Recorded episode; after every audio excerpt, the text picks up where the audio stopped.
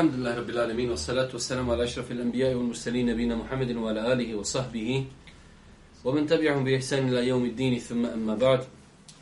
Doista svaka zahvala pripada našem gospodaru Allahu subhanahu wa ta'ala. Salavat mir i selam na Allahu poslanika, Allahu minnika Muhammeda alihi salatu wa salam njegovu časnu porodcu, njegovu uzrte, ashabe se ljudi koji slijede put istine do sudnjega dana. Braću moja draga, kao što znate, četvrtak od Akšama, a inšala uskoro i od naš stalni termin u kojem čitamo razne knjige. Trenutno čitamo knjigu o 40 hadisa imama Enneveju Rahmetullahi Alihi komentari od šeha Hajrudina i Osvana. Došli smo do 40. hadisa i time otprilike i privodimo kraju ovu našu knjigu. Jezda je 40 hadisa imama Nevevija, ali on je tu uvrstio 42, tako da inšala još dva naredna četvrtka čitamo ovu knjigu. Učera se družimo s jednim interesantnim hadisom, bitnim hadisom, a isto tako hadisom koji treba pojasniti, jer se on može pogrešno razumijeti. Pa sam ja malo ovo dan i dva pripremio neke stvari vezane za ovaj hadis. Radi se o hadisu Ibn Omara radijallahu ta'ala koji bilježi imam Buharija. Da Allah poslanik salatu wasalam jedne prilike uzeo Abdullah ibn za rame i rekao mu Kun fid dunija ka enneke abiru sebil Budi na ovom svijetu kao da si stranac ili putnik. Ibn Omar radijallahu ta'ala bi govorio kada omrkniš ne očekuj da osaniš, a kada osaniš ne očekuj da omrkniš. Uzmi od svoga zdravlja za svoju bolest i od svoga života za svoju smrt. Hadis bilježi imam Buharijom. Osnova, braću moja draga, ovog hadisa jeste da on ukazuje kako i na koji način bi čovjek trebao da se ophodi sa Dunjalukom. Kaže Allah poslanik Ibnu Omeru. Ibnu Omer je inače bio poznat da je mnogo, mnogo pažnje posvećivao sljeđenju sunneta Božih poslanika i bio je poznat da jednostavno izolirao se od Dunjaluka.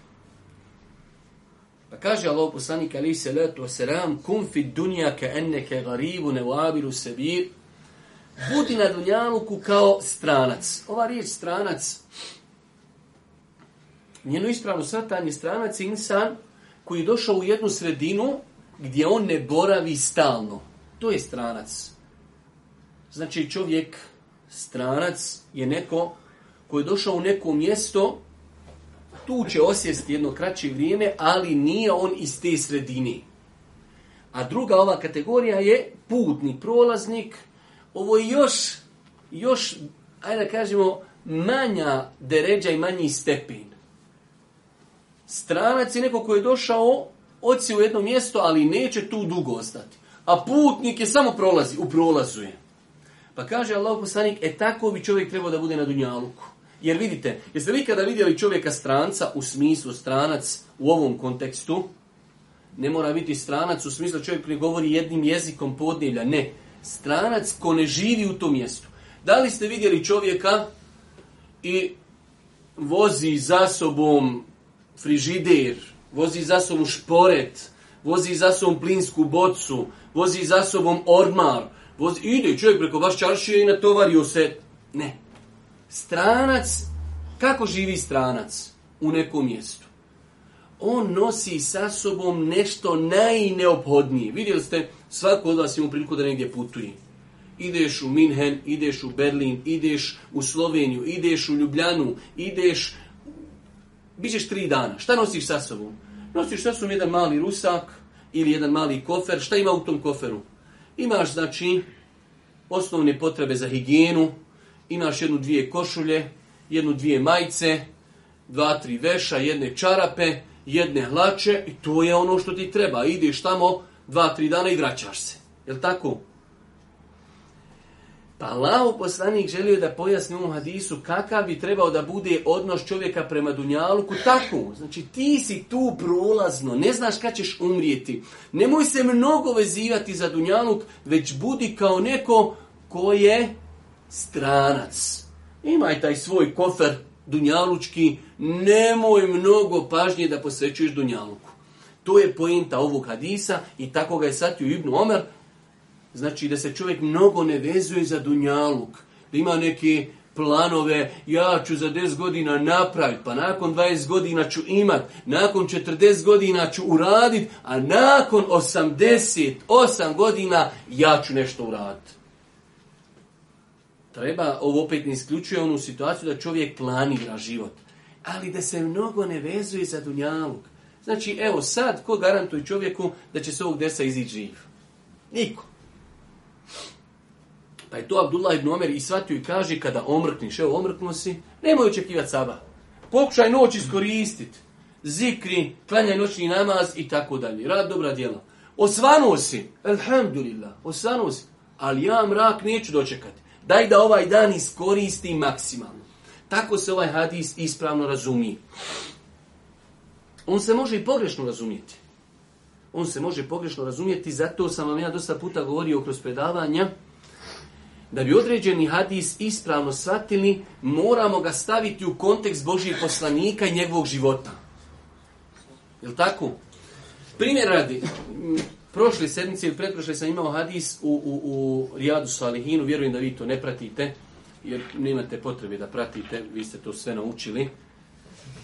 Na to najpoznati hadis za Boži poslanik Ali se se kaže nemojte vi prvi nazivati židovima i kršćanima sela. Znate onaj hadis, vjerodostojan. Pa kaže, a kada ih sretnete na putu, stjesnite ih u tjesni dio puta, je li tako? Jel tako hadis? Jer dostan hadis ljudi. Šej Semi Rahmetullah Jalej kaže nema nigdje u životu vođeg poslanika da je zabilježeno da on kad išao stjesnio nevjernika u tjesan dio puta. A rekao poslanik tako da treba raditi. Treba razumjeti onda hadis ispravno. Jel tako? I ovaj hadis ovaj hadis treba uzeti u kontekstu života Božih poslanika, u kontekstu ashaba, da vidimo kako su oni doživjeli ovaj hadis, kako su ga oni prakticirali. Pa prvo u kako su ga oni doživjeli, a kako u kontekstu vremena i prostora u kojem su živjeli. Jer vi znate da je Boži poslanik kad je došlo treba za bitku na Tebuku, Kaže, to se zove džišu usra. Vojska koja je imala poteškoću da se oprimi. Koji je taj dan otkupio i oprimio? Osman. Donio toliko para da je Boži poslanik znači, u svojoj odjeći uzeo zlatnike ovako i prevrtu. Hiljede zlatnika. Šta mislite da je Osman? Osman kaže, ja na ko ja sam putnik. Meni treba samo jedna torbica i ja samo imam čefine, imam malo hurmi, malo vode, pa je ispravno razumijevanje ovog hadisa, o tome ću cijelo vrijeme govoriti, da ga treba uzeti u kontekst. Ne, ne, ne isključuje ovaj hadis da čovjek bude bogat. Da ima Abdurrahman ibn Auf, kojim je obećan džennet, on kad je preselio, nakon njega su u to vrijeme sjekirama sjekli zlato i dijeli njegovoj, njegovoj rodbini i njegovim nasljednicima. Pa znači, Abdurrahman ibn Auf obećan u džennet. Kako je on sati ovaj hadis? Da se čovjek ne vezuje za dunjalu, ali to ne isključuje da bude bogat. Već isključuje da dadne čovjek prednost dunjalku nad ahiretom. Ma ja vrtim se, spačim ko, ko, ko, ko Pa znači, Ovaj hadis treba ispravno razumjeti. Ne isključuje ovaj hadis da čovjek bude bogat. Kao što bi se moglo desiti, jer imate čak sekti u islamu koji su nastale možda na sličnom hadisu. Sjedi, neđe čošku, pokri se ponjavom, zikri, budi na dunjaluku, prolaznik, ništa te ne Muslimani povijedili, alhamdulillah, izgubili, alhamdulillah. Šta se dešaj, ne znam. Mene to ne interesuje treba pomoć muslimane, Boga mi nije, ja cijeli dan sjedim, zikrim, šučuram i tako dalje. Pa je to ne... Ali pazi, lik se ufati za hadis. Poslanik je rekao, budi, budi strana, ja sam kaj stranac. Speak English, no. Deutsche prijehe no. Arabik, no. Ništa lik ne zna, samo sjedi i zikri. I kaže, poslanik je rekao, hadis u Buhari, jesi sad kaj pametniji od hadisa. Pa se ovaj hadis može pogrešno razumjeti. Islam je, braću moja draga, u svakom pogledu, hvala Allahu, umjerenost. Ako pogledamo ljude u kontekstu ovog hadisa, mogu se podijeliti u tri kategorije. Imamo ljude desno, koji su prodali ahiret za dunjaluk. Čovjek ostavi nama zbog dunjaluka. Čovjek ostavi nama zbog dunjaluka. Šta je on? On je prodao ahiret vječni za dunjaluk. A Boži poslanik kaže u vjerodostojnom hadisu i mnogim drugim hadisima koji govore o Dunjaluku, dva sabahska rekiata sunnita, ne farza, sunnita, draža su i bolja su i vrijednija su kod Allaha od cijelog Dunjaluka. Sunneti. Ali je džaba i šetan ljude ubijedi da ostavi nama zbog Dunjaluka. Pa je jedna to krajnost da čovjek proda ahiret zbog prolaznog Dunjaluka. Imamo drugu situaciju, to je ova, da čovjek je meni ništa od dunjaluka ne treba. Ja samo zikrim, klanjam, čekam smrt.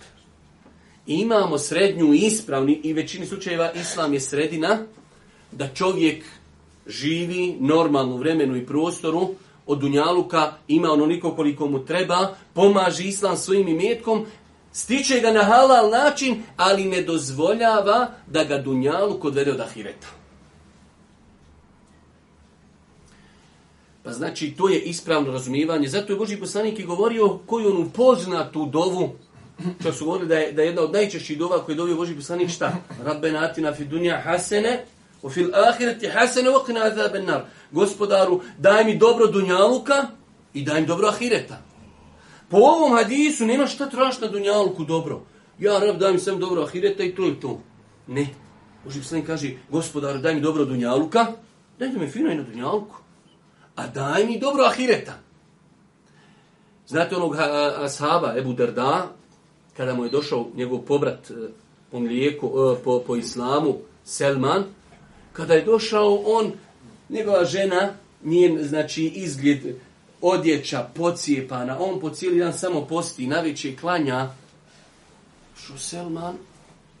On nema vremena da sjedi sa svojim gostom.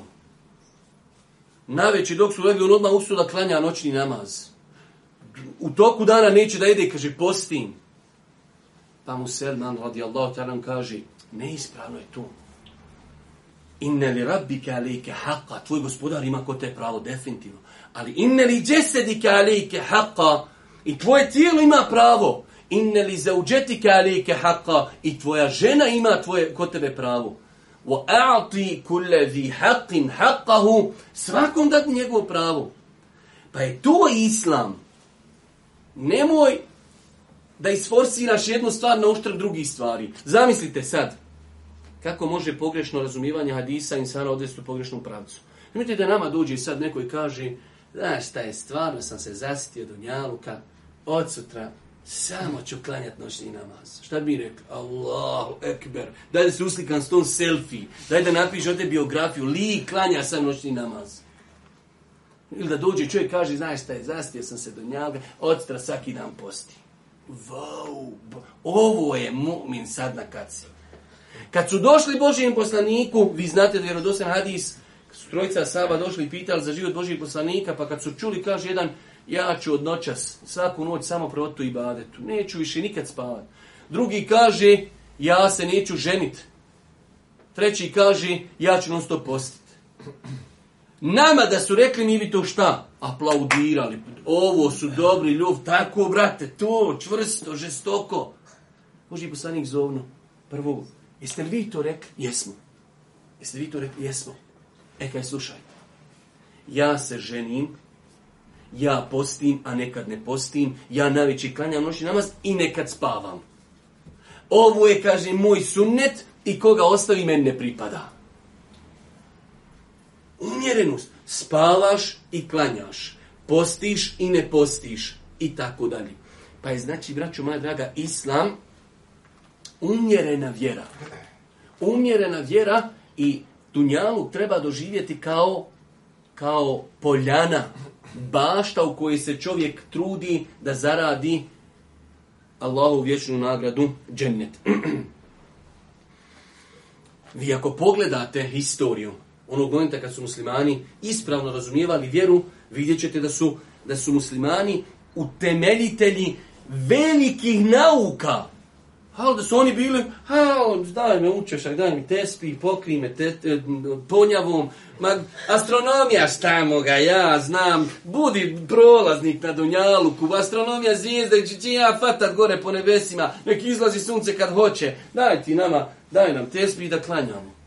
I opaš muslimani u Španiji utemeljitelji velikih dunjalučkih nauka, ne ahiretskih, dunja, jesu i ahiretski, alhamdulillah, napisali tefsire, napisali fik, napisali arapski jezik, napisali, napisali, ali utemeljitelji dunjalučkih nauka, od matematike, od astronomije, od arhitekturi, od, od, od, od, od. Pa je to ispravno razumivanje vjeri. I dunjaluk i ahiret, ali samo ne na uštrb ahireta. Pa je to ispravno ispravno razumijevanje ovog hadisa. Allah Želšanu kaže Božijem poslaniku samom u Kur'anu, iako u pogledu ovog hadisa, a, kur'anskog ajta ima e, dva tumačenja, a oba dva su inšala ispravna, kaže uzvišeni Allah وَابْتَغِ فِيمَا أَتَاكَ اللَّهُ دَرَ الْآخِرَةِ وَلَا تَنْسَ نَصِيبَكَ مِنَ الدُّنْيَا Nemoj Boži poslaniče da zaboraviš i svoj udio na dunjalku. Pa kaže se po jednom tumačenju tefsira, koji je relevantan, prenešen od ashaba, nemoj Boži Bosne da zaboraviš i da uskratiš sebi dunjalučko naslađivanje. Na dunjalku si, huwa vi halaka lako On je za vas stvorio sve. Uživaj na dunjalku. Ali vidjet ćemo poslije kako pod uvjetima. Pa znači, to je ispravno razumijevanje ovog hadisa. Da čovjek od dunjaluka uzme onoliko koliko mu je potrebno, da bude neovisan od ljudima, od ljudi, da može svojim imetkom pomoći muslimane. Vidite kako je fino kad ima neka sergija, neko pravi džamiju i čovjek dođe kaže da ću ja sto hiljada. Mislite, otkud mu sto je dobio na lotu? Musliman čovjek ba, ne igra loto. Zaradio, trudi se. I svi nama drago nam mašla čovjek dao sto hiljada, dao milion. Od čega?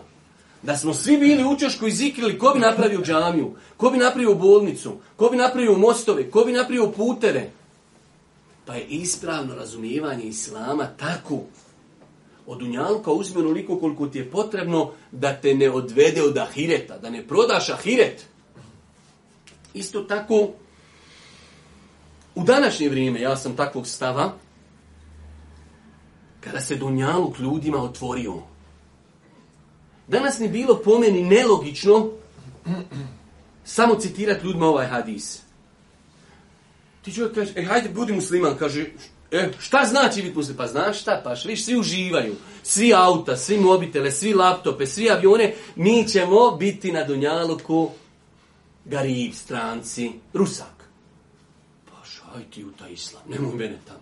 Hoću ja mobitel, hoću ja auto, hoću ja avion. Ali na halal način. Pa u današnjem vremenu i prostoru nije od mudrosti i pametno kažeš ljudima, e, hajte vi muslimani, ali odmah vam je uvjet, morate vi gladi, morate vi siromašti. Neće ti niko, neće ti niko onda prihvati taj islam. Zato kažem, čovjek treba ispravno razumjeti eh, ovu kalkulaciju Dunjaluka Hiret. Svakako, uvijek ne smijemo zaboraviti, hiret je vječan. Dunjaluk je prolazan. Ali isto tako vidjeli smo ashabe, velike ashabe, od Ebu Bekra, od Omera, od Osmana, su ljudi bili za to vrijeme milioneri. Za to vrijeme milioneri. Ali taj Dunjaluk nije ušao u njihova srca. Nisu zbog Dunjaluka prodali ahiret. Pa čovjek, znači, kad je u pitanju Dunjaluk, prvenstveno treba da pazi da bude stečen na halal način, da ga ne spriječava na prakticiranju, u prakticiranju islamskih propisa. Ok, stižem ja dunjalu, milionir sam, ali me to ne spriječava da klanjam, da postim, dajem zekat, idem nahađ i da ne uzimam harame i tako dalje. I, znači da ga ta stvar ne okupira u pogledu, u pogledu stizanja, stizanja ahireta. Znači, to je ispravno balansiranje, ispravno razumijevanje ovog hadisa. Ok, možda sutra umrim, možda sutra preselim, neću se vezivati za dunjaluk na način da ću danas ostaviti jaciju, da ću ostaviti namaz, ali da stignem dunjaluk kako bi pomogao sebe i svoju porodicu, obezbijedio halal egzistenciju i kako bi pomogao muslimane, znate da kaže Boži poslanik, el mu'minu el qawij, mu'min koji je jak, jak u svakom pogledu, pa i ekonomski i imanski prvenstveno, draži je Allahu od slabog, od slabog mu'mina. Tako da, ovo je, inšala bizna, ispravno razumijevanje ovog hadisa, da Allah poslanik kroz ovaj hadis želio da ljudima kaže nemojte se mnogo vezivati za dunjaluk. Svakog dana možete umrijeti. Budite kao stranci. Stranac nosi sa sobom neke osnovne stvari, ali isto tako ne isključuje, pogotovo u vremenu i prostoru u kojem mi živimo, ako čovjek može stići dunjaluk na halal način, da ga ne okupira od ahireta, nije ništa u tome sporno, a može biti i pohvalno i tekako, pogotovo ako čovjek time cilja da pomogne prvenstveno da obezbijedi svojoj poruci halal obskrbu, a nakon toga, ako pretekne i metka, da pomogne islam i muslimane. Pa mislim, inšala, da smo, da smo otprilike, otprilike ovaj hadis uklopili u njegov kontekst. Znate kad imate onaj mozaik, imate onu jednu kockicu pa je tu treba staviti. Ovaj hadis se tako razumije. U protivnom može ovaj hadis odvesti insana u ovu krajnost, odvesti ga u krajnost pa da čovjek ništa ga ne interesuje. Ni nauka, ni medicina, ni muslimani, ni umet, ni problemi, ništa, ništa, nemojte mene, daj meni samo da zikrim. Što je, što je katastrofalno razumijevanje, katastrofalno razumijevanje ove savršene i vjeri daj ti nama e, da, da mi počnemo odmah sa poukama i porukama. U hadisu je dokaz da se može savjetovati i osoba koja ne traži savjet. U hadisu je dokaz da se može savjetovati osoba koja ne traži e, savjet. Kako smo to shvatili, ovdje nije rekao Ibn Omer poslaniće da me posavjetuj. Već se samo prenosi da ga jedan dan uzeo za rame i posavjetovao ga. Što znači insan kada osjeti vrijeme i prostor, situaciju, da vidi nekog svoga prijatelja, komšiju, poznanika, da mu može nešto savjetovati i korisno kazati, ne mora čekati da e brate, de me posavjetuj. Može čovjek znači posavjetovati nekoga bez da on traži savjet, s tim što ja obavezno stavljam tu klauzulu da čovjek ocijeni vrijeme i prostor. Jer nerijetko se nama dešava da čovjek jednostavno s dobrom namjerom, definitivno, napuni svoje baterije nekom dersu na predavanju, hudbu Saša i dođe kući, ljudi nisu spremni da prihvate ono što on ima. I on bi sve ono što je čuo na desu da njima odjednom ugura u usta, sve. Tu ti je primjer bebe, tek se rodila i ona pomalo mlijeko jede i majčin ti kaže, ali žena, de ti njemu graha, grah je dobar i još za večer u puri. nagruhaš dijete veliki velaj svom djete. E tako isto i ljudima to savjetovanje nekad, nekad ljudi ko, postignu kontraefekat. Brate, hoda direktnim, hoda direktnim, hoda direktnim, čovjek sutra vidi onog, eto onoga, brate, biži, sakrivaj se od njega, paša, ova, ovaj, ovaj, ubi, ubi ovaj lik, ovaj, ovaj ne popušta, ne gasi. A je veća korisna, ako su, gdje si, ah, šta ima, kako mobitel, dobro, željo, izgubiš je, bojem, šest, nula, gore, dole, a je lagano, onda, a znaš šta je, klanjamo namaz, more haram, crvena košlja, vila košlja, što stavio kravatu, što nisi, dokle si... Baj, te više ne Pa, znači, treba biti odmjeren u svemu. Dalje. Hadis preporučuje asketizam, to jest suzdržljivost po pitanju dunjalka. Muslima ne treba uzmati dunjaluk za mjesto vječnog boravka. On je na njemu kao stranac ili putnik. Ova korist vidite. Ovako sad kad bi čovjek pročito, kada ne uzme ono naše pojašnjenje, može se ova poruka i zloupotrijebiti. Iako su autori imali definitivno ispravno, e, ispravno inšala nije, ispravno želju da kažu, ali znači rekli smo da su to ashabi najbolji, na najbolji način razumjeli, pa smo imali mnogo ashaba koji su imali imetak u svojim rukama i tim imetkom pomagali Allahu u vjeru. Pa biti, da, na Dunjalku biti da se čovjek ne vezuje u smislu imam neke planove, iako znamo da niko ne živi više od 18 godina, ja sam imam neke planove ko nuha Ali Selam 950 godina ću živjeti. što, ne, to, to nisu dugoročni, to su preko tih planova koje imamo. Ali da čovjek znači isplanira svoj život. Želim da za godinu, dvije postignem to, da uradim to i na, na tom putu ga e, prestigne smrt, to nije ništa pokuđeno. Nije pokuđeno ali da se ne vezuje, da ne prodaje ahiret za dunjaluk. Da mi je da stignem sam još malo, pa neka ću ja u 68. početi klanjati. Ja znam da to nije dobro, ali evo sad ja ne mogu klanjati samo da ja stignem. Ne veš paša, to, to ti je nemoguće stići. To je fotomargana ona kad vidiš, misliš voda, dođeš, nema.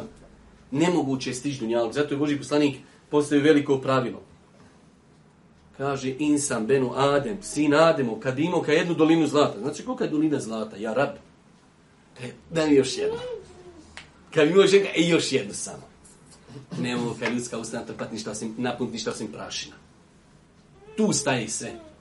Pa insan treba samo da bude u svemu tome umjeren. Dalje. Hadis nas postiče na održavanje svijesti da smo na Dunjaluku samo ograničen period i da se dobrim dijelima trebamo pripremati za povratak na vječni ahiret. Evo, vidite ovdje, da se dobrim dijelima znači da ne dozvolimo da nas Dunjalu toliko okupira, da zaboravimo mi na obaveze, na farzove, da kršimo eh, harame, da zaboravimo na ahiret. Ne, ne, ne. Generalno mi smo tu, to je vrijeme ispita, to je Dunjaluk. Ali nikako to ne isključuje da postignemo nešto Dunjaluka i da ga uz Allah pomoć i dijelimo. Dalje. Ovaj hadis nam pojašnjava položaj Dunjalka kod vjernika. On je kod vjernika bezvrijedan, te se istinski vjernik ne veže za njega, niti se brine o njemu mnogo. Već uzima s njega onoliko koliko mu je doista potrebno i iskorištava ga pokornost uzvišenom Allahu. Sve onako kako su mi shvatili i sve onako kako su mu pojasnili. Dalje. Treba biti umjeren po pitanju Dunjalka i svjestan vrijednosti Ahireta, te ih postaviti na odgovarajuće mjesta. Bravo. Trebamo biti svjesni da ćemo otići svi trebamo biti svjesni da šta god da imadnemo, kad mi odemo u kabur sasvom nećemo ponijeti. Trebamo biti svjesni da ne znamo dok ćemo živjeti, ali sve to ne isključuje da huvalladhi khalaqa lakum fil ardi jami'a on je za vas stvorio sve što je na zemlji. Ali pod onim uvjetima koji smo već više puta ponovili da bude halal, da nas to ne okupira od ahireta i da ne činimo harame, inša bizla nema ništa sporno, pogotovo rekli smo u današnje vrijeme definitivno ova tema danas nije odgovarajuća zato što mi trebamo gledati ovu drugu stranu. Danas 95% muslimana ima problem sa ovom vamo stranom. To što mi spominjamo primjer ovoga nekog koji zikri takvih je danas, oni su iskorijenili se uvijek kod dinosaurusi. Malo, tudiko ima. Mi imamo sad veliki problem umjeta gdje 95% muslimana, ja musliman, ja sve, ali ja ne klanjam, ja ne nosim mahramu, šta je, pa ne mogu na poslu, ja ne mogu stići i tako dalje. Pa su muslimani ošli u drugu krajnost, ali eto ja sam ovaj hadis želio samo da ga uklopimo na njegovo pravo mjesto. Ali i ovo je neispravno. Danas treba umjetu govoriti o bezvrijednosti Dunjaluka. Brate, zar se nisi probudio, svijesti se iz komije u kojoj se nalaziš, svi umiru i šta su ostavili? Šta su ponijeli? Nosi sa sobom čitave gdje su mu zapisana dobra i loša djela. Sam gledao ono jedno, ali to, to je jedan od, od planeti, kaj daj mi Rojs, sam mog, zakopajte samo. Zakopaj, paša. I, još ga voza dole pod vozom, ninja kornjače. Nema, paša. Nema. I ako ga zakopaš to čovjek bolje dadni bijedi, nek proda. Znači čovjek neće od dunjalka ponijeti ništa. Ako ga neću ponijeti sa sobom, što onda da ga zarađujem na haram način da bi djeci napravio zgradu od osam spratova? čovjek i žena dovoljno mu kuća šest sa šest. On napravi osamnaest sa sedamnaest i osam spratova. I čitav život on za to radi. Šta je da djeci obezbijedim? Da im obezbije. Uzo kamatne kredite, pršljeno mu poispadali paša, ko rupe u nas po, po kamenjaru, po selima. Toliko su pršljeni se izjerili. Ali daj da on nešto djeto obezbijedi. I babo umre, on sutra odmah na pik stavi. Prodajemo pojeftinu kuću vrijedi, kaže, 3000, daj im za 500. I je zbavo radio, pršljeno ispod zemlje vire koliki su. Alhamdulillah, kako došlo, tako ošlo. I zaradiš djehennem zbog, zbog djeteta koji će to prokockat u, u kladioncama. Ja niješ. Ok, mogu pomoć, pomoći, ti. Tu sam. Ali da se na haram način gradim zbog tebe, neće ti čoveče niko reći hvala sutra. Pa insan znači treba i ovo, to je današnji problem planeti. To je današnji problem planeti da ljudi pretjeruju pogledu Dunjaluka, definitivno. U hadisu je očeva ljepota poslaničkog podučavanja putem navođenja primjera. Budi na Dunjaluku kao da si stranac ili putnik. Definitivno, jedna od metoda Božih poslanika je bila da je dosta puta putem primjera ljudima pojašnjavao stvar. Sjećate se kad je onu ženu vidio kako ona kako ona ono svoje dijete kad je bila ona zarobljena pa izgubila svoje dijete pa kad je ga poslije prigrlila počela ga hraniti, Boži poslanik je to iskoristio, tu situaciju. Kaže, bili li ova žena ikad bacila svoje dijete u vatru, a može da ga ne baci? Kaže, Allah će džeće. I kaže, Allah je milostiviji prema svojim robama nego ova žena prema svom djetetu. Znate, kad je jedne prilike bio Ebu Bekr i Omer i mnogi asabi u, u sjelu s Božim poslanikom, a bio i Ibnu Omer tu, sin Omerov kaže Boži poslanik, ima jedno drvo na arapskom polotoku koji sliči mu'minu. Koji je? Pa su sabi ovo drvo, ono drvo, gore, dole, niko se nije mogu sjetiti. Pa je Boži poslanik rekao primjer mu'mina je primjer palmi. U smislu, zaista, od palmi sve koristi. Sve znači palma i košpe. Znači, kad izvediš iz palme, Arapi koriste i košpe. Pa je mu'mina sa palmom. Iako Ibn Omer poslije kad je krenuo kući kaže svom babi, kaže ja sam znao da je palma. Ali kada je bilo me stid progovoriti, pred pred Ebu Bekrom, kaže Omer, da si rekao, bilo mi draži nek Da znaju ljudi, da moj sin je pametan, da je pronici da je skonto. Kaže, bilo me stidno progovoriti, pred tobom pred Ebu Bekrom. Pa je Boži poslanik e, dosta puta koristio metodu navođenja primjera i pojašnjavajući jer na taj način se E, propis ili ono što se čulo mnogo bolje ureži nego, nego onaj, kako se zove, da je to sam bila teorija. Meni dosta puta ljudi dođu, iako to vi znate da pretjeram, meni čovjek dođe, eh, naučio sam ono sa onim crnim mačkama, ekstra sam naučio. Veli, ti si to pojasnio, mačke, šoferšajbe i pljuvanja i sve ostali. Rekao, paša, to sam htio da te pojasnim kako si ti naučio, manje je nama bitno. Dobro, dalje. Jedan od efikasnog načina pojašnjenja je poređenje poređenje i navođenje primjera. Dobro. Poslanička ljubav prema plementom ashabu Ibn Omeru radi Allahu Anhu, vidi se kroz gest. Uzeo me za rame. Pomenuti postupak u većini slučajeva čini se sa osobom koja se voli. Također poslanik sallallahu alejhi ve sellem izdvojio ga je mimo drugih ashaba sa oporukom. Definitivno, znači taj e, kontakt čovjek treba nekada jednostavno koristiti, kao što je koristio Boži poslanik sam, sam moment čovjek nekoga zagrli nekad da, da ga potapša, e, da mu kaže neku stvar kao njega da izuzmi, sve to ima posebne metode. Ljudi koji su, koji su u prosveti pa da neko dijete pomiluje, pa neko obnaga, maša, ti si danas bio dobar, ti si danas zaista svaka čast, ti ćeš nam ovo. Znači, to ljudima mnogo, mnogo znači. Putem radnje uzeo me za rame, Budi se osjećaj učenika da mu učitelj pridaje pažnju prilikom podučavanja kako bi ga privolio i djelotvornije upozorio. Interesantno je, vjerujem vas ovdje dosta ste vi nakon najizgled mlađi, evo ja i još paro i braće stari. Interesantno je koliko djeca voli svoje učitelje. I kako sve od njih kopiraju i kako im svaki gest njihov znači nešto. Pa insan koji ima priliku da, da u prosvjeti radi, treba to uvijek zapamtiti. Da je na tom poslu on htjeo ili ne uzor. Učenik, učitelj u školi, htjeo ili ne. Znači, razumije on to ili ne, on je uzor svojoj djeci. Svakako u datom momentu djeca će skontati da li, ga, da li je to dobar uzor ili loš, da li ga slijeti ili ne, ali pogotovo u tim nekim manjim razredima djeca su poput spužvi. Znači svaki pokret učitelja ili učiteljice djeci mnogo znači. Pa dijete samo dođe i kući dobilo je tačno. samo onu crvenu olovu, Vau, dobio sam tačno. Dobio sam cvjetić. Dobio sam zvijezdicu. U, zvijezdica je gotovo. Nema, to završena stvar. Pa znači učitelji to trebaju iskoristiti da djecu vezuju, da djecu podučavaju, da ih podstaknu, da ih stimulišu i tako dalje. Dalje. Hadis nam ukazuje na vrijednost plementoga sahaba Ibn Omera radi Allahu anhuma. Poslanička oporka je utjecala na njega, a zatim je i on na nju podsticao druge.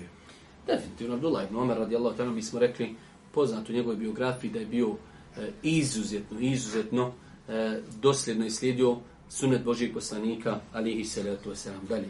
Plemeniti ashab Ibn Omer radi Allahu anhuma rado po poslaničkoj oporici, što se razumije iz njegovih riječi. Kada omrkneš, ne očekuj da osvaniš i kada osvaniš, ne očekuj da omrkneš. Ovo je u jednu ruku isto kao i komentar oni riječi Božih poslanika. Božih poslanik je nešto rekao i pogledajte bereketa i blagoslova da ove riječi od Ibn Omera bilježi Buharija.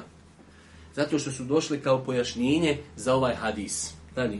Očevidno je koliko su ashabi žurli da sprovedu u praksu vjerovjesnikove salalahu alaihi veselem savjeta i oporuke. A Allahu poslanik salalahu alaihi veselem bio je najbolji odgajatelj. Definitivno, dalje. Riječ je plemenitog ashaba Ibn Omera radi Allahu anhuma. Kada omrkneš ne očekuj da osvaneš i kada osvaniš ne očekuj da omrkneš. Su tumačenje poslaničke oporuke. Inače, e, imate pravilo jedno koji su postavili islamski učenjaci, to je više se malo vezuje za fik i za neka druga poglavlja, ali može se i ovdje sigurno primijeniti da kaže prenosioc hadisa zbog konteksta. Nekada kad imate hadis, jednostavno taj hadis se može shvatiti na nekoliko načina. Ali kaže, ako ga je pojasnio prenosioc, onda je najprioritetnije da se taj hadis shvati tako. Zašto? Jer ga je on doživio. On zna kakve su okolnosti bile kada je rečen taj hadis. Pa i ovdje, znači Ibnu Omer je insan koji najbolje razumio šta je poslanik u datom momentu htio da kaže, pa je on tako i protumačio taj hadis. Poslanik sallallahu alejhi ve sellem je težio za dostavljanjem dobra svom umetu. Pa je obraćajući se jednoj osobi Ibn Omer Allahu anhuma ciljao cijeli umet. Definitivno, znači ovo je veliko pravilo da osnova je, osnova, to je temelj, da svaki hadis izreče nekom ashabu savjete umetu, osim kada dođe klauzulu koji stoji da je to posebno. Znate kada je došao onaj Asab, kaže zaklo sam, je kurban prije Bajrama, a ne može se klanja zaklat kurban prije Bajrama, ako se zakolji neispravno je. Meso je halal, ali ne, nije, nije obaveza ili da reknu propisanost kurbana nije onaj ispunjena. Pa je došao Asa i kaže, Allah ponosić, ja imam jedno janje, jare, malehno, ono u smislu godinama je malehno. Ali mi je draže, kaže, nego velika jedna ili dvije ovce li ja njega zaklati? Sad napravio sam prekršaj, želim da, ali nemam više. Kaže Boži poslanik, možeš, ali samo ti. Nakon tebe tu više nikom ne važi. Gotovo. Znači, taj propis pojašnjen da je samo vezan za Sava. U protivnom, svaka riječ Božijeg poslanika nekom sabu znači poruka i umetu, osim ako se to zaista odnosi, ako se to za... Kada Boži poslanik Ali se nam kaže Ebu Zarru, inneke da'if. Nemoj, kaže, tražiti ti e, namjesništvo, ti si da'if. Ali se misli nikako je Buzer, radi Allahu Taranhu, jedan od, e, od časni uzoriti ashaba, misli se u tom poglavlju, kad je u pir on je poznato da je Ebu Zer ništa od dunjalka nije htio. On je vino najstrožiji stav u pogledu zekijata i svega, u njega sve se moralo podijeliti. Ako ti budeš ljudima namjesnik, pa što sve će ljud mora podijeliti, on će samo živjeti od zraka i od košpica, od hurmi. Nemoj ti kaj da ljudna ti bio... Na, možda ćeš nenamjerno nekome napraviti nepravdu. I neke daif ovdje, samo u ovom momentu. I ne možemo sad taj hadis reći za nekog drugog. Pa imamo znači hadise koji su za nekog izrečeni, ali generalno ako Boži poslani savjetuje nekog insana, to je savjet i njegovom ummetu. Ibn Omer radi Allahu anhuma nam preporučuje da se činjenje dobrih dijela ne odgađa. Kao što je rekao, kada omrkneš ne očekuj da osvaniš i kada osvaniš, ne očekuj da omrkneš. Znači ovi riječi Ibn Omera u osnovi imaju cilj da te podstaknu. Nemoj, pa sutra ću, ne, omrknu sam. Imam nešto što mogao uraditi sad, ali eto mogu i sutra. Radi sad, zašto? Jer ne znaš da, će, da ćeš doživjeti sutrašnji dan. Interesantno je koliko su ljudi u gafletu i nemaru, svi mi, ja prvi pa ostali uzdužni popriječno. Subhanallah. Na svakom koraku vidimo, i to sad imate čak, ja sam nedavno nešto istraživo, imate sad u medicini termin, popravite me ovi koji znaju bolje od mene medicinu, termin, znači bolest, iznenadna smrt. Pa ste prije 1600 godina poslanik je spomenuo da je od preznaka sudnjeg dana iznenadna smrt. I mi to vidimo na svakom koraku. Čovjek ništa, ja sam danas gledao, neko ti je pošao na video klip, čovjek sjedi na govornici, priča, smije se i samo preo. Ništa, ni bolnica, ni, ni tablete, ni e, infuzije. U tri sekunde čovjek umri. I to čovjek vidi. I ništa lola ide za dunjalukom, trči derobe i svidio kako ona je umri. Šta da si ti bio umjesto njega? Klanju nisam, postio nisam, zekat nisam, hađ, harama, znači, ko ono kupiš u, u bingu, onu podmiru pa volki račun. U njega tunki račun harama ima u životu. I ništa liko, da mu je neko obećao još 120 godina živ polako, pa što nemoj žur da se, se pokaju, valjaš kaj živjet pod telbom, ako ode, kaže, nahađ, valja čuvat hađ. pa ja, rav, gdje ga čuvaš, u džepu?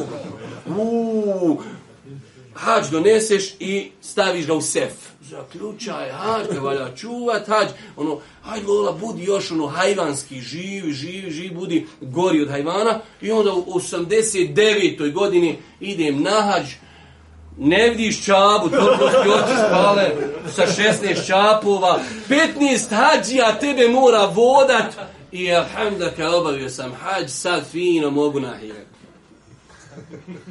Jedan od sto, 99 ljudi poginulo prije toga. Ovaj, eto, alhamdulillah, doživio je, obavio i to i to. Ovi 99 paša u putu izgubili se. Šetan, je, šetan je interesantno. Sa jednom catom zavede milijune ljudi. Može se pokajati. Da, da, da, da, kako hoćeš, svakako. Stvarno, znaš, treba se pokajati. Ovo što radi nevelja, velja Bogan. Čovjek, ono, pušna, jesu, ekstra, stvarno. A znaš tako, kad imaš 99 godina, jesu, elhamdulillah. I paša, on samo njemu taj čip gurni tu 99 i on to instalira i do 99 on je njega pustio. Veli, alhamdulillah, ovaj 99 sa njim sam završio. Takvih imaš milijone na, na, na, na planeti. Od ti sad što je on milijone, taj im samo čip instalirao, paša njih 99% umri na putu i onaj jedan što je ostao, hm, ako se pokaje, pa ako ne pokaje, u njemu opet kaj, znaš šta je, još ti je rano paša, još aj jednu 3-4 godine, to je to. Pa znači interesantno je kako šeitan zavodi ljude. Dobro. Generalno znači ova poruka je da Abdullah ibn Omer je da kaže omrku si. Nemoj očekivati sutra ću nešto. Možeš noća završiti. Uradi. Osvanuo si go, novi dan. Imam nešto što bi želio neki hajrat uraditi. Uradi ga danas. Nemoj čekati sutra. Dalje upozorava nas na kratkoću dunjalka i nadanja, a na to opominju riječi kada omrkneš ne očekuj da osvaneš i kada osvaneš ne očekuj da omrkneš. Dalje, pojašnjeno. Hadis u sebi sadrži upozorenje na prezren moral, jer osoba koja je putnik stranac, ona ne poznaje mnogo druge ljude pa da im zavidi, da ih mrzi, neprijateljski se ponaša prema njima, spletkari i slično. Većina lošeg morala upravo dolazi zbog druženja s drugim ljudima koji čovjek okupira od Allaha, osim onoga koga Allah učvrsti. Ovo je zaista, znači, kad čovjek sjedio, ja garantujem ja da sam sjedio, da mi neko rekao, hajde haj ti smisli ovu poruku, ja sam mogu sjeći 60 godina jer mi je ova poruka nampala, iz ovoga nisam. Čovjek kad je ko stranac, nema on vremena da na njega ljudi utječu svojim negativnim osobinama. Tu sam ja, ljudi, 10 dana ja ode. Ja ako budem s vama sjedio i ja ću početi onaj uspješni od mene, onaj bolji, onaj... I ja ću se početi natjecati, ja ću početi zavid, ja ću početi gibeti ja ću početi nemime, ja ću zulum činiti. Ja sam tu, šta god se, nisam ja ovdje, policija, ja tri dana imam kartu, ja gdje god idem, gdje putujem, odmah najredom ja imam povratnu kartu, ne bojte se, nisam došao ovdje, ne ostajem, neću dugo zadržati. Dva dana, oh, alhamdulillah, hajde, hajde, prolazi. Znači, kad čovjek neće se negdje dugo zadržati, nema on vremena da pokupi viruse od ljudi. Pa je to korist ovog hadisa. Dalje. Vjernik treba požuriti s činjenjem dobrih dijela prije nego bude onemogućen da ih čini zbog bolesti, zauzetosti, starosti ili mu nastupi smrt. Zašto? Kaže, šta kaže ovdje Abdullah ibn Omar radijallahu ta'ala anhu? Uzmi od svoga zdravlja za svoju bolest. Šta znači? Radi dobra djela u zdravlju, nemoj čekati bolest. Uzmi od svoga zdravlja, ovo je možda malo, mm, mm, hajde da bukvalno prevedeno. Uzmi od svoga zdravlja, budi dobar u momentu kad si zdrav, kad, ozdra, ka, kad se razboliš, nećeš moći to činiti. Dalje. Život i zdravlje su dvije blagodati koje većina ljudi ne cijeli. 100%. Treba u tu svrhu iskoristiti blagodat vremena i život prije smrti. Generalno, Jara Prinsan ima sto svojih nekih mahana, ali zaista blagodat zdravlja kad čovjek ode u bolnicu, kad vidite, znači, e, kakvi slučajeva ima, šta ljudi trpe, kako ljudi živi, čime sve ljudi, e, ljudi su iskušani, onda insan onaj shvati u kakvim je blagodatima, u kakvim je nijametima. Tako da, istinto sad Isa ko poslanika da kaže nijametani magbunun fihima kathiru mine nasi as al-farag dvije blagodati su blagodati u pogledu koji veli broj ljudi je prevario, sam sebe prevario, obmanjen je. Jer ovaj makbun je došlo u arapskom riječi od gabn. Gabn postoji u kupoprodaj, kad neko nekoga prevari. Pa je insan obmanjen, sam sebe obmanju. Zdrav si, misliš, nikad si ništa zbolt. Bogat si, nikad si, nikad nećeš biti siromašan. Sad nisi zauzet i misliš nikad. Ja sad kad vidim dječicu svoju, ne znaju šta će od osadi. Znači, ne znaju šta će od... Ja, rab, da je meni, rekao, vaše vrijeme sad da ja sebi napravim raspored, pa hoću ovo da učim, pa hoću ovo da napisam, ovo da prijeđem, ovo da završim, ovo da sve. oni to znači, kom u mravinjac, sam se sudaraju, popućimo da iz dosadno. Ko rogovi, sad ovaj onog bar nego ovaj onog, hajde da te vidim makar deset minuta da čita, a jo, koji je, 10 minuta grah proklija ispod njega. Ne znaš šta će čovjek odreći. E, poslije ćeš ti doći kad se zaposliš, pa žena, pa dijete, pa obaveze, dugovi, rate, komšijek, oj, sad ima li u fiku kako pitanje kloniranje, mora se klonirati, smije ili ne mogu se ja kopirati. još sad kako policija sad kopira, Sad više policajci ne stoje pored puta. Ja sam gledao neki dan slika od auta zalijep je sliku i ti sad ideš iz daljine i misliš policija. Ono slika. Ne mogu stići ljudi, toliko narod brzo vozi. I oni sad film napravio kartona, ali pravo, isto auta pa. I ti ideš umanjiš brzinu kad ono karton. Nije vezi, jel dobro je? Postignut je, postignut je cilj da ne voziš brzo. Karton te prijestrašio i završena stvar. Čak imate verzija ono kamere. Nameću oni uvijek kamere. Kaj nije u kamera, nemaju toliko para da plati. Ali imaju sanduci, ti misliš da je kamera i to je to. Tu ljuka, ako ima na crvena tačka unutra, ima. Ako nema, vozi i dalje kako ne treba dani. Zato treba iskoristiti svoje zdravlje prije bolesti, jer s osobom u njegovoj bolesti pišu do, djela koja je radio u stanju zdravlja. Svodno onom hadisu koji izvježujem Buharija, i da meri da l'abdu au safira kuti man amal muqiman sahiha, kada se insan razboli ili kada odputuje, bude naređeno da mu se upisuje dobrih djela ono što je radio kad je bio zdrav.